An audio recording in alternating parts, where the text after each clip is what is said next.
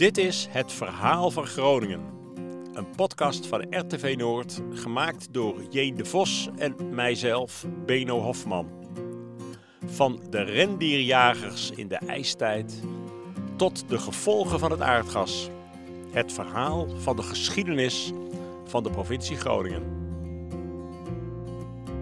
In deze zevende aflevering bekijken we hoe Groningen een echte landbouwprovincie werd en welke Groninger boerenfamilies naam maakten.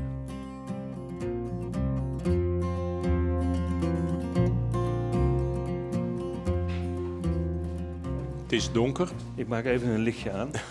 Oh ja. Ja, kijk. Nee, hier eh, ligt wat ehm, ehm, geneeskundig materiaal. Ja. En het portret van eh, Geert Reinders hangt ehm, daar achterin.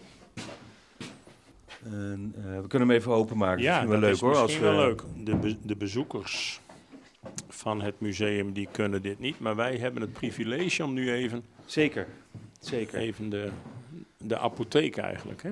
Ja, dit is de, dit is de, de huisapotheek van de, van de veearts die hier woonde, meneer Lameris. De eerste rijksgediplomeerde veearts van, eh, van Barfum. Maar goed, dat is niet de reden dat we hier staan. Dat is, eh, Nee. Geert Reinders portret. Even kijken. Geboren in Bedum 1737 en overleden in Bellingenweer. Dat is bij Winsum in 1815. Ja. Ja.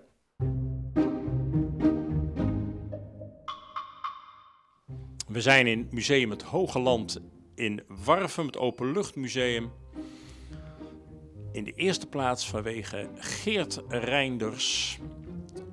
Een autodidact die boer werd, maar vooral bekend werd vanwege zijn uitvinding van entstof tegen de runderpest. En we praten met de directeur, met Stijn van Genuchten. Je hebt hier de, de naalden van Geert Reinders. Ja, die, eh, die, De eh, originele. ja, de originele naalden. Ehm, het was zo, eh, Reinders die deed samen met Peters Kamper onderzoek naar, naar veeziekten en de bestrijding van veeziekten.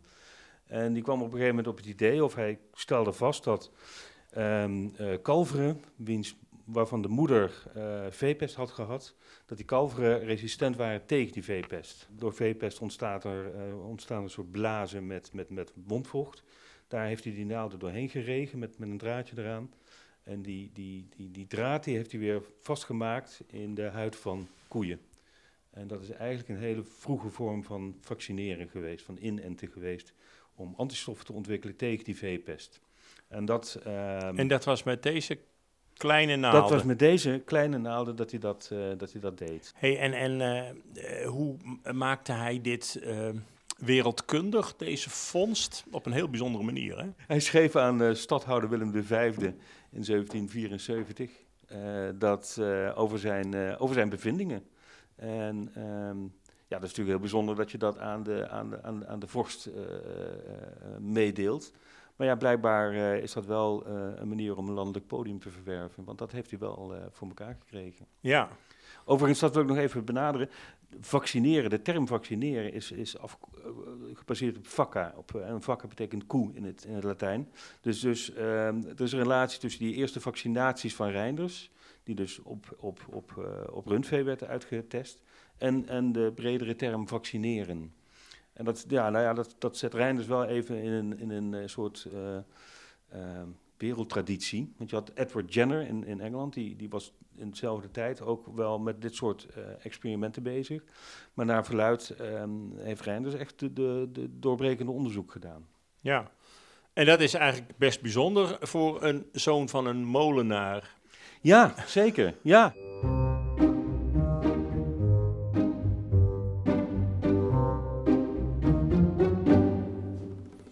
Verlaten de veeartsenij.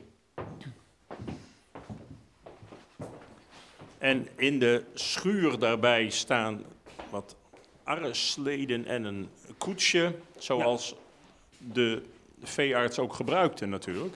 Zeker, zeker. Hij Ja. heeft dit huis zelf eh, eh, laten bouwen. En dan hebben jullie hier in het museum het Hogeland eh, van alles en nog wat. Hè? Want wat, wat Ja. geeft het museum, wat wil het museum eigenlijk laten zien? Ja, eigenlijk is dat het, eh, het, eh, het leven in een eh, plattelandsdorp in eh, met name de 19e eeuw. Die is op slot. Je hebt wel een heleboel sleutels, eh Stijn. Ja, we hebben 20 gebouwen om, eh, om dat leven mee weer te geven. Ja. En eh, van ja, ieder gebouw kan op slot, dus eh, daar heb je dan een Ja. sleutel bij, eh, bij nodig. Maar deze grote schuur, stond deze hier ook eh, van origine? Want er zijn Ja. toch gebouwen hier naartoe gebracht, hè? Naar Nou, er zijn een, een paar gebouwen inderdaad hier naartoe gebracht, maar de meeste gebouwen nog altijd, die staan op de plek waar ze oorspronkelijk zijn gebouwd. En dat maakt ons als openluchtmuseum ook uitzonderlijk, want wij bewaren in feite een, een belangrijk deel van het centrum van Warfum. En dit was een boerenschuur. Nee, dit, was een, eh, dit heet een schutstal. En hier allemaal foto's aan de muur. Ja. allemaal koeien. Ja, we hebben hier een soort open depotopstelling eh, willen maken met, ehm, met, met landbouwobjecten. En eh, daar op dat plateautje staat eh, een voorbeeld van zo'n befaamde arendploeg. En, maar hier staan meer objecten die, die uit onze collectie voortkomen. En ook uit de collectie van de familie Reinders. Bijvoorbeeld dit deel, en er staat zelfs een naam nog op. Oh, dit, ja. eh, dit ding. ja. Dit is een soort... ehm, C. Eh, ik denk dat C-Reinders ja, is. C. dit. Reinders ja, ja. inderdaad. Het is een Cornelis eh, Reinders geweest. Ja, want, want die Geert Reinders was dus de eerste boer in die familie. Hè? Hij was dus molena- vanuit een eh, molenaarsfamilie. Ja. En hij werd boer en zijn nazaten, ja, die hebben ook heel wat betekend hier. Ja, zeker, zeker, zeker. Er zijn een, een paar generaties lang zijn dat boeren geweest. En op een gegeven moment heeft ehm, volgens mij een kleinzoon van, van eh, onze Geert Reinders... is gaan eh, boeren op boerderij Groot Zeewijk. Die ligt in de Noordpolder. En eh, dat, was een, dat was een enorm bedrijf. Naar verluid was dat de grootste boerderij van Nederland... tot aan de inpoldering van, eh, van de Flevopolders. En die familie heeft bijvoorbeeld ook bijgedragen aan de vestiging van een HBS in, eh in Warfum... wat in die tijd de, de eerste Plattelands. plattelands HBS is geweest. ja. Rijks, Rijks, Rijks- HBS. Een Rijks Ja. HBS op het platteland. Platteland, ja, ja.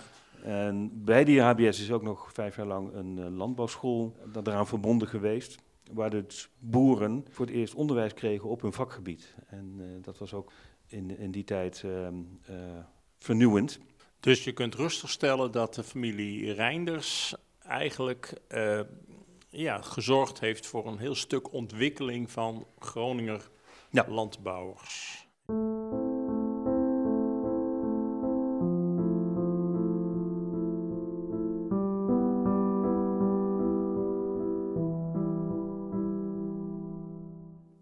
Geert Reinders ontwikkelde zich van boer en veehandelaar tot politicus en bestuurder.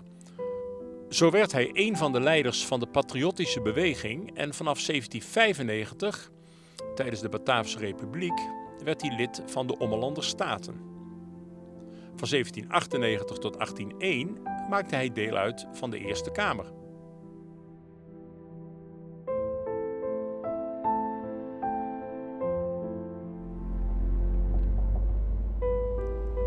Was even op zoek naar Groot Zeewijk. En dan rijden we door de. Dat is ook, dat is ook grappig. De Wethouder G. Reindersstraat. Nou, het, het kan niet missen. Ze waren ook politiek actief, de familie Reinders. En in de verte zie ik al een van die dijken. Ja, dat, eh, dat Groninger het hoge land. eh, je hebt een hele reeks wierdedorpen. Dat was ooit een beetje de grens van het land. De grens tussen eh, het land en, en de kwelders. Maar dat slipte steeds verder op. En dan werd er weer een dijk gelegd. En het was zeer vruchtbare grond. De, de boerenbedrijven die groeiden. Omdat eh, ja, het recht van eh, opstrek was. Het recht van opstrek dat betekende dat de boeren eh, waarvan het bezit aan de dijk grensde Die konden ook rechten op de kwelder laten gelden. En dan komen we in de Noordpolder. Ja, dit is dan Groot Zeewijk. Niet meer de originele boerderij. En ook niet meer van een Reinders.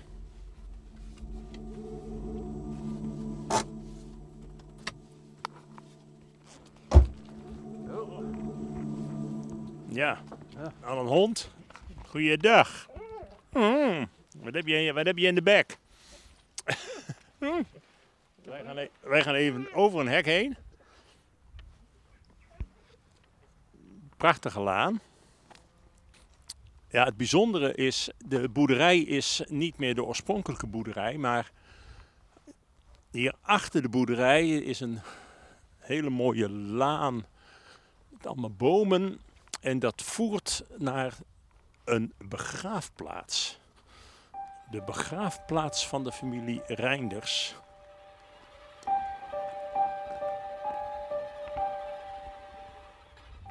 Eerste die hier dan op de boerderij Groot Zeewijk in die net aangelegde polder, Noordpolder, kwam, dat was uh, ook een Geert Reinders, nazaat van de eerste. Familiegraf G. Reinders en A.G. Doornbos staat er op het hek. Eigendom van de Grietje Reinders Stichting. Prachtig geel geverfd hek. Het is allemaal een beetje dicht, dus ik kan, die, kan er niet zo bij komen. Maar uh, ja, wat zie ik daar? 1, 2, 3, uh, 10, 10 graven in elk geval. Opgemetseld. Omgeven door bomen. En in de verte kijken schapen mij aan.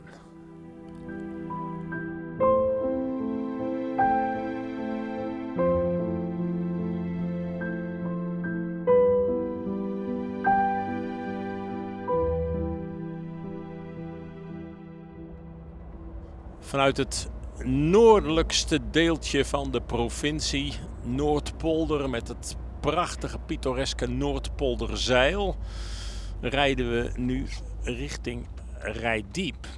En we gaan nu bij het Rijdiep over bij Elektra, de Teenstraweg. Oh ja.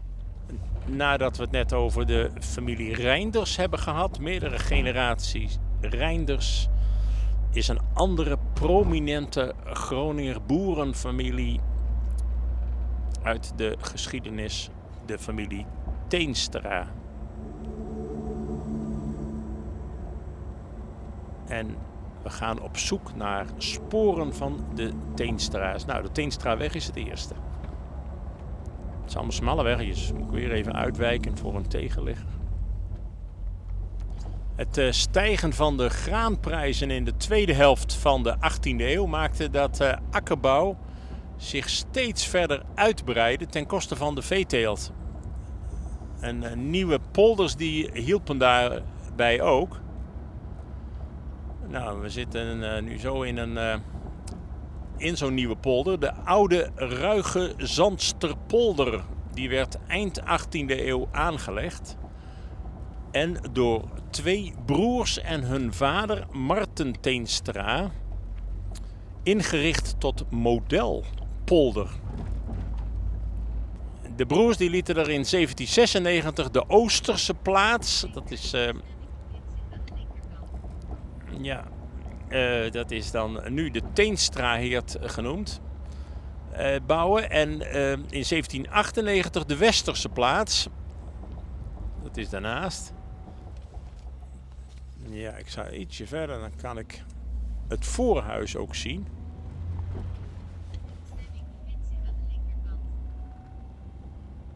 Ja, dat zie ik inderdaad. Aan de linkerkant.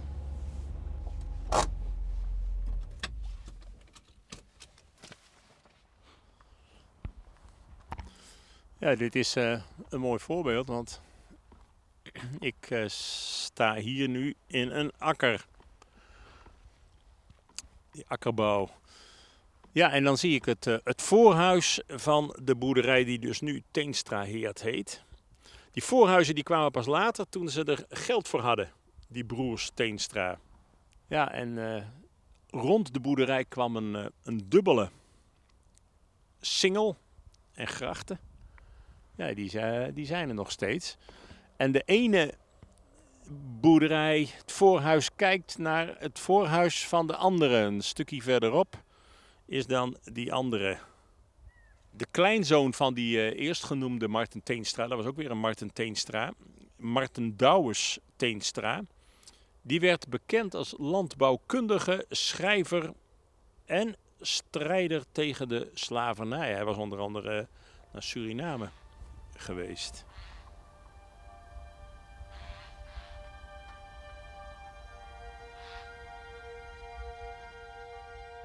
Na een periode van teruggang tussen 1820 en 1850, met hongersnood en opstand, beleefde de akkerbouw op de zeeklei in het derde kwart van de eeuw een ongekende voorspoed. Weiland werd op grote schaal omgeploegd, gescheurd. De boerderijen werden groter en deftiger. De dorpen barsten uit hun voegen vanwege het groeiende aantal arbeiders dat in de landbouw nodig was.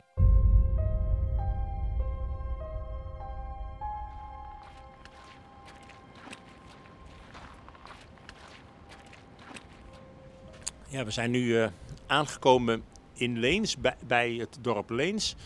Ja, daar heb je de borg Verhildersum, maar daarnaast staat de museumboerderij van de borg.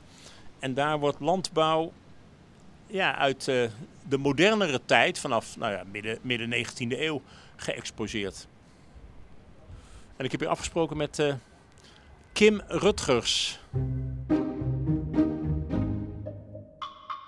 Goeiedag. Goedemiddag. Wij, eh, wij zijn geïnteresseerd in wat er hier in deze museumboerderij eh, is. Ja. Kun jij dat laten zien eh, aan ons? eh? ja, ik neem jullie mee. nou, doe maar. Gaan we allereerst naar de oude schuur. De oude schuur. En dat is het, de vaste opstelling. Klopt helemaal, ja. Dit is ook echt een boerderij ge- geweest, toch? Ja, dat Ja. klopt. Ik heb begrepen dat dit een, een boerderij, dat jullie in de museumboerderij dingen laten zien uit, eh, 18,5, 19e eeuw. ja, ja, eind, eind Ach, 19e eeuw. ja. Ik zie nu hier eh, in dit stuk alleen maar melkbussen en, en een paar wat, wat andere dingen. Hebben jullie ook grotere machines? Ja, Hier? loop maar mee. We hebben grote karren. Oh, ja, inderdaad. Dat is een enorme kar. Hooikar en daarachter staan nog meer eh, eh, werktuigen. Lopen we er even heen. Ja, even doorheen lopen. Een soort ploeg. Ja, Oh, ja, ja, ja.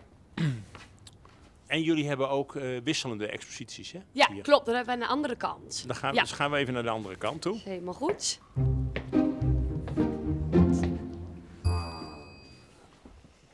Hier komen we in de expositieruimte. Normaal Ja. gesproken is dit eigenlijk jaarlijks wisselend. Maar vanaf 1 april krijgen we hier een, eh, een eh, blijvende expositie van eh, de welbekende Edestal. Oh, Met ja. virtual reality brillen. Oké. Daarachter is eh vitrine van Mansholt. De beroemde familie Mansholt. Klopt helemaal. Ja. Dirk Roelfs Mansholt uit zeeklei gebakken heet dit. En dan zien we de Westpolder. 1877, stormvloed in de Westpolder. En allerlei aan elkaar verwante families. Maar ja, Mansholt is natuurlijk zeer bekend geworden. Vooral Sikko Mansholt als eurocommissaris, als minister van Landbouw direct na de oorlog. Ja, Mansholt. Ehm, wij gaan eh, van hier gaan we naar de Westpolder, want ja, daar zijn de Mansholts groot geworden.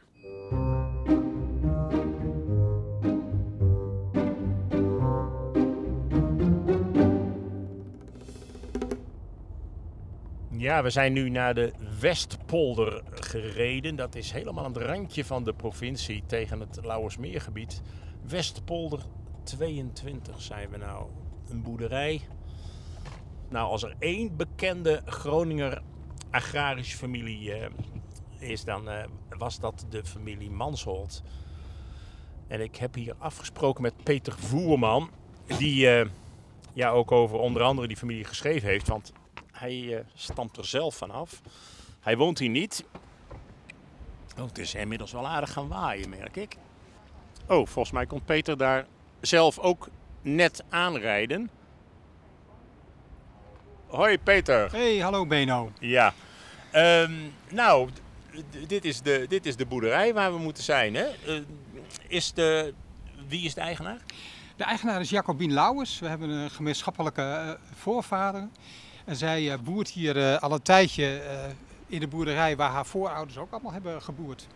Ja. Op, eh, op het eind van de Westpolder, vlakbij de oude, de oude dijk en eh, in de storm vandaag. Ja, nou zo gaan we, gaan we naar binnen gaan. Waar is eh Jacobien er? Ja, er. Als we even omlopen, dan eh, zijn we zo bij de voordeur en dan kunnen we aanbellen.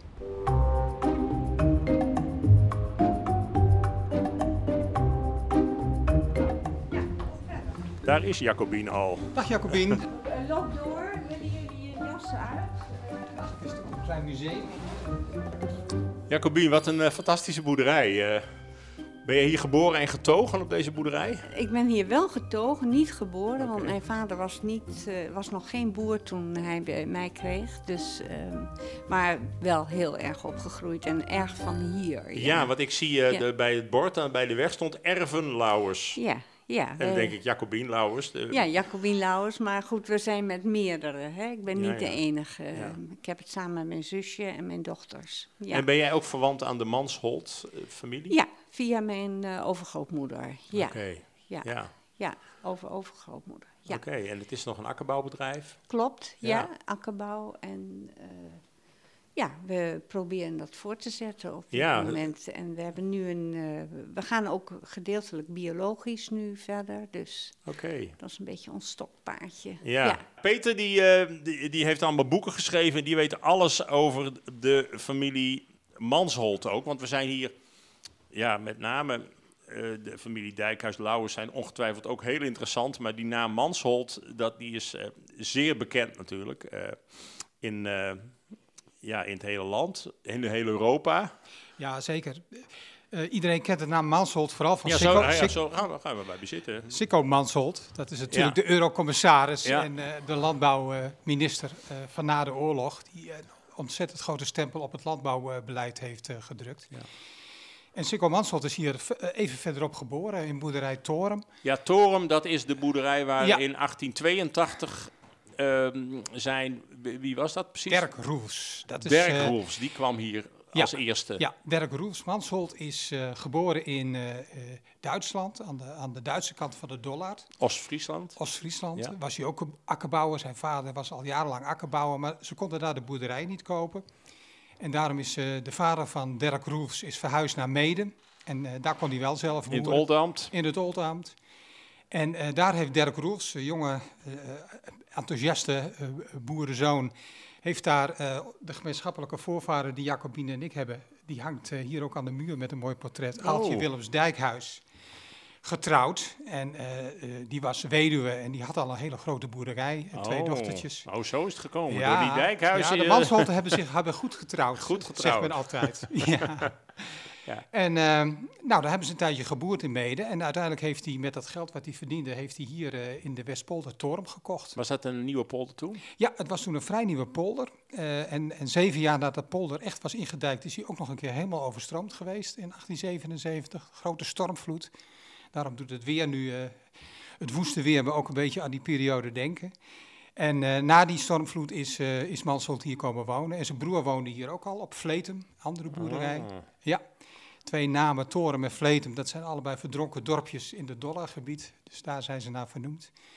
En eh, eh, daar heeft Dirk Roelofs, Dirk Roelofs Mansholt zijn, eh, zijn imperium gevestigd, want dat was Ja. het wel een beetje. En het was natuurlijk hele goede grond, hele vruchtbare grond. Ja, je ziet het, als je hier uit de ramen kijkt, zie je het Ja. ook. Hè? De, zee, de Groninger zeeklei. Ja, En daar weet Jacobin natuurlijk alles van, want die is echt boer. Maar Ja. eh, dat is ontzettend vruchtbare grond. En Ja. eh, eh, daar zijn de boeren hier in deze streek ook rijk mee geworden. Met, Ja. de- met, met de grote opbrengst en de handel met, met Oost, Oost-Europa in de Ja. tijd. Maar het bijzondere was natuurlijk wel met de Mansholz ook dat grote boeren, maar wel progressief denkend, hè, politiek. Ja, klopt. Ja, de boeren hadden, omdat ze toch wel veel geld verdienden hier, redelijk veel geld, eh, eh, hadden ze ook de tijd om andere dingen te doen. En eh Dirk Roelfs Mansholt was erg sociaal bewogen. Hij was natuurlijk een Duitser, dus hij was een van de eerste die Karl Marx las in het Duits. En hij was ook een grote fan van Multatuli, die, eh, die, die mooie Max Havelaar over de misstanden in, in Indonesië heeft geschreven. Multatuli was ook echt een huisvriend, die kwam ook vaak bij me op bezoek. Eerst in Mede en hij is ook in Torum geweest. En eh, eh, hij heeft een paar keer geprobeerd om ook om in de Tweede Kamer te komen. Echt, echt met hele progressieve ideeën. Hij vond dat grond van iedereen moest zijn, niet alleen van de rijke heren. Maar eh, nou, boeren moesten op hun eigen grond kunnen werken. En ja, zo'n man was het een beetje. Ja. En, en al, al die boerderijen was aanvankelijk was allemaal familie van elkaar hier. Eh, met name de Westpolder was bijna allemaal familie van elkaar. Dat begon dan met Torum en daarnaast had je Geugien Zijlma, dat was ook weer eh, familie. En daarnaast woonde de broer van eh Dirk Roelfs. En eh, Ja. mijn oma die kwam hier vroeger als klein meisje vanuit de stad, kwam ze hier logeren. En dan zei ze, als ik de polder in kijk, dan zie ik allemaal familie. Ja. Nou, en eh Jacobien, jij zet het, eh, jij zet het hier eh, voort. Nou, eh, dank jullie wel voor het eh, gesprek. Graag gedaan, ja.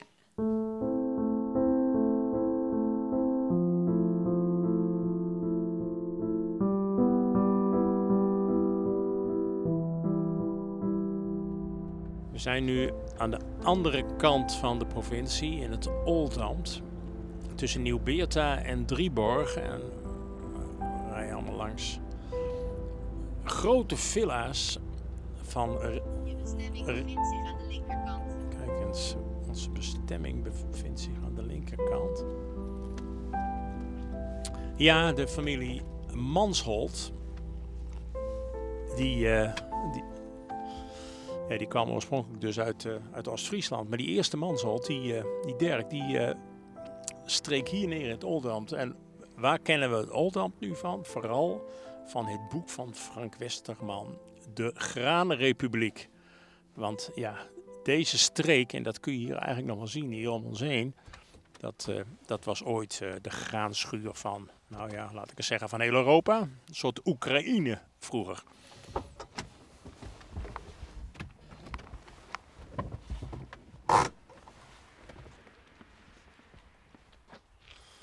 Ja, op de schuur staat Stoksterhorn. Dit is de boerderij op die plek van waar ooit de boerderij stond van Boelo Luitjen Tijdens. Tiedens, op zijn grunnigers. En eh, ja, die boer die, en die boerderij die speelden een prominente rol in dat boek De Graanrepubliek van Frank Westerman. En dan vooral, en je kunt het hier in de streek nog wel wat zien, je ziet die enorme boerderijen van het Oldamster type. Dat is eigenlijk dat de, het voorhuis en de schuur eh, één lang geheel vormen. In tegenstelling tot de boerderijen van het, eh, van het Hoge Land, het, het kop-hals-romp type.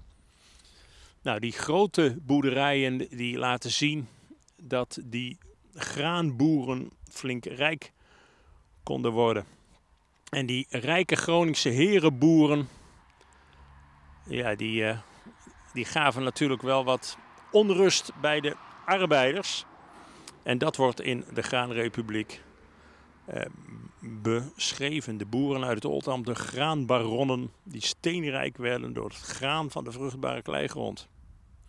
De arbeiders die deden het zware werk, vaak voor een laag loon. En dat eh, leidde onder andere tot in 1929 eh, een maandenlange landbouwstaking. De landarbeiders verloren uiteindelijk die strijd door stakingbrekers, maar vooral ook door nieuwe landbouwmachines.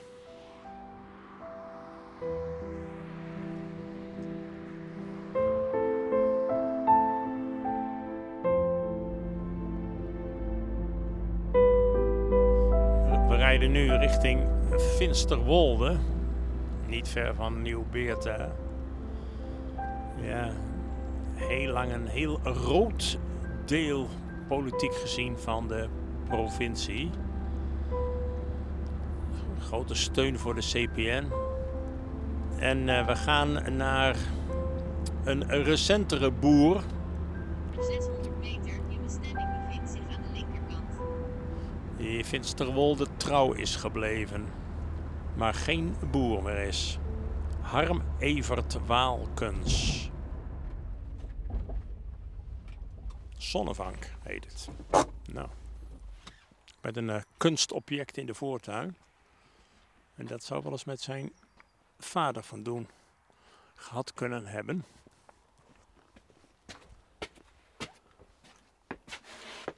Hallo, mooi. Mooi. Even. Beno. Mooi, mooi, mooi. Kom verder. Ja. Harm Evert, uh, nou, eh, even lekker, lekker aan de thee. Ik zei net buiten dat kunstwerk, dat, uh, dat kon wel eens te maken hebben met, jou, met jouw vader. Want voor mensen die het niet weten, jouw vader, dat was... Akkerbouwer. En tel ook uit een akkerbouwende familie. Maar daarnaast had hij veel, um, uh, veel verbinding met kunst en cultuur. Hij was goed bevriend met een kunstenaar, Siep van den Berg. En die was uh, hier bij ons in de smederij was hij bezig om beelden te lassen. En uh, dat stapelde zich maar was op. hier in, in, in Finsterwolde? Hier in Finsterwolde. Wow. En hij was een soort huisvriend van ons. Ja. En van mijn vader en mijn moeder. En um, uh, totdat op een gegeven moment hij een tentoonstelling wilde organiseren in het gemeentehuis. Maar dat was een brug te ver voor de Finnenwolmers. en toen heeft hij de Um, uh, de, de, de, stal ontruimd. En daar is hij met de galerie begonnen. En van, van Lieverlee kwamen daar exposities. En dat was midden in de jaren zestig. En ik heb dat um, als heel spannend ervaren. Want dat, um, het tuig van de regel uit de hele wereld kwam langs in Vensterwolde om hier niet alleen stands te maken, maar ook zeg maar, het ma maatschappelijk discours een, uh, een ja. plek te geven. Heel bijzonder. Ja, maar de politiek, want je hebt jaren voor de Partij van de Arbeid in de Tweede Kamer uh, gezeten, hè? Ja, ik heb uh, van tussen 98 en 2010 heb ik in de Kamer gezeten ja. voor de Partij van de Arbeid. Ja. Maar dan naar de familie Waalkens, hè, als, als boeren.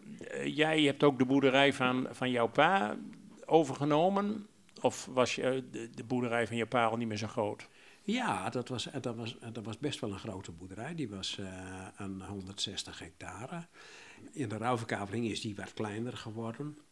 Maar ten tijde van de rouwverkaveling, dat was 1970, um, uh, begon natuurlijk uh, zeg maar de, de echo van Sikkel Manshal, die begon een beetje door te klinken, ook bij ons hier in het platteland. Je moet je concurrentiepositie moet je opbouwen door je bedrijf groot en sterk te maken. Nou, dat was eigenlijk de spin-off. En in Finsterwolde hebben we toen um, het initiatief genomen om eens te kijken van... en hoe kunnen we nou dat wat Sikko dus bedacht heeft... hoe kunnen we dat nou handen en voeten geven in Finsterwolde? Um, um, de eerste stap was om alle boeren in Finsterwolde bij elkaar te roepen. We zaten hier bij Van der Holt uh, in Finsterwolde. Zaten we uh, bij elkaar en we hebben een ene interessante bespreking naar de andere gehad. En de trekkers werden nagroter en de, um, uh, de inzet van, van machines die werd heel prominent daarin meegenomen in alle besprekingen. Totdat de gespreksleider enig moment zei van ja, dit is allemaal geklets in de ruimte. Ik, uh, ik ga nu ga ik op de rij af. Er waren 20 boerderijen, 20, 25. Ik ga op de rij af. De, um, jullie vragen van doe je mee of doe je niet mee? En als je vijf seconden aarzelt, dan doe je dus niet mee. Dus het is ja of nee. Uiteindelijk bleven er um, uh, zes mensen over met vijf bedrijven. En toen hebben we dus een groot boeren, boerenbedrijf hier gesticht in Vensterwolde. Een beetje parallel aan het idee van Sikkel Mansholt dat je uh, groot en sterk je concurrentiekracht kunt gaan opbouwen. Ik begreep dat jij op, op den duur een biologische boer bent geworden. Ja, wij hebben dus in 97 hebben we heel bewust de, de stap gezet om naar uh, biologisch te gaan. En ehm, eigenlijk daar nooit geen spijt van gekregen. Nee. En, en je bent gestopt nu met de boerderij. Tenminste, dat zie ik hier gewoon. Je woont niet, nu niet op een boerderij, maar in... Ja, wat is het eigenlijk? Is het eh, als een rentenierswoning van een rentenierende boer ooit Van gebouwd? een, eh, van een graancommissionair. Die, eh, die ja. dus ehm, eind jaren, begin jaren 1900 enorm veel geld heeft verdiend. En heeft dus dit pand gebouwd. ja, zo staan er hier meer van, die, van dat soort herenhuizen. Ja. Hè? En, en dan, dan nog even vanwege het kunstwerk wat je in de tuin hebt, heb je wel een, een, een mooi verhaal. Ik vind, dat, ik vind dat nog wel een mooi verhaal. Misschien tot, eh, tot besluit. Je hebt hier ook een. Het is een foto, toch? Want we zien daar een, een gat in de dijk. Zoals dat dan eh, was vanwege hoog water. Konden er dan planken in, hè? Ja, dat is een, Van eh, welke polder is dit? Dit is eh, de overgang tussen de Rijderwolderpolder naar de Karel Koenraadpolder. De Karel Ja. Koenraadpolder is de laatste polder die ingedijkt Van, is. eh, zo Van 1933. Dollard. Allemaal Dollard polders. Ja, ja. en daarvoor ligt dus ehm, eh, de Rijderwolderpolder. Ja, en, en eh, wat, is, wat was het verhaal hierbij? eh? want het is geel, geel geverfd. Eh, enig moment was ik ehm, eh, eh, bes- eh, be- eh, bestuurder en voorzitter van de afdeling Beerta van de Groningen Maatschappij van Landbouw. En de tijd dat ik dus in het bestuur zat en ook voorzitter was, ehm, bestond die afdeling 150 jaar. En toen heb ik in het, ehm, in het, in het bestuur, maar ook in de, in de, in de, in de vergadering, met een 100, 150 man zaten we bij elkaar, ehm, heb ik dus eh, gevraagd van, ehm, wat doen wij met dat, met dat lustrum? Wat doen we met die 150 jaar? En toen zei ja, nee, maar we kunnen wel een museum mokken met plauwen en, en eggen en trekkers en zo. ja. Ik zei, jongens, ik zei, de, de- die oude meuk die hebben we achter ons gelaten. Wat is nou mooier om die verbeelding van een belangenbehartigingsorganisatie op deze manier vorm en inhoud te geven van de oude polder door een dijkcoupure naar een nieuwe polder. Maar Moet dat nou en eh, moest ook nog 15.000 gulden kosten. Dus ik moest, eh, zeg maar, de goede gemeente moest ik eh, overtuigen dat dit eigenlijk wel heel bijzonder was. En daar waren ze wel met me eens. Maar ze zeiden, ja, dit, dit hoort allemaal niet in de polder. En er was een oude boer in, eh, in de zaal, die ging staan en die zegt... eh, meneer de voorzitter, als we nog peerden hadden... Nee, kregen we nooit door dat dik gat. En we moeten toch naar die andere polder toe. Waarop mijn vraag was... Beste leners, want het was leners onders... Beste leners, eh is er nog peerden? Nee, maar als ik nog peerden had. Nou, hilariteit. En ze zeggen mij, wat gewoon in gang en bestuur. En toen hebben we dus dit gedaan. Maar dat was allemaal van voordat je in de Tweede Kamer kwam. ja dat was drie. Maar jij toen dat zat het, eh, dat kunnen praten als brugman, dat zat er al wel in. ik, ik zeg niks. Pra praten als Waalkens. Ja. Oké.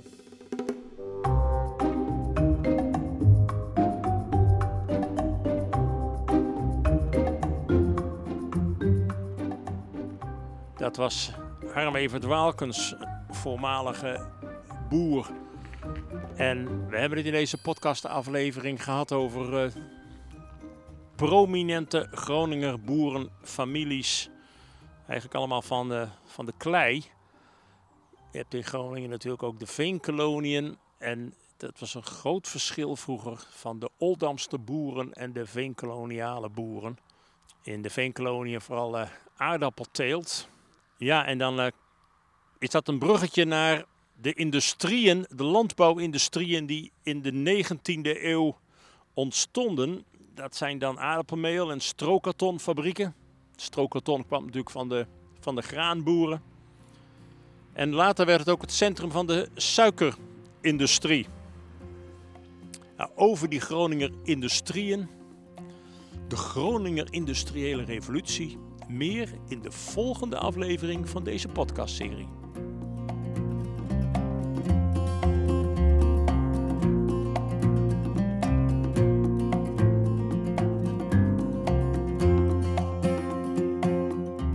We hebben deze podcast gemaakt dankzij de financiële steun van de provincie Groningen, het Prins Bernhard Cultuurfonds Groningen en RTV Noord.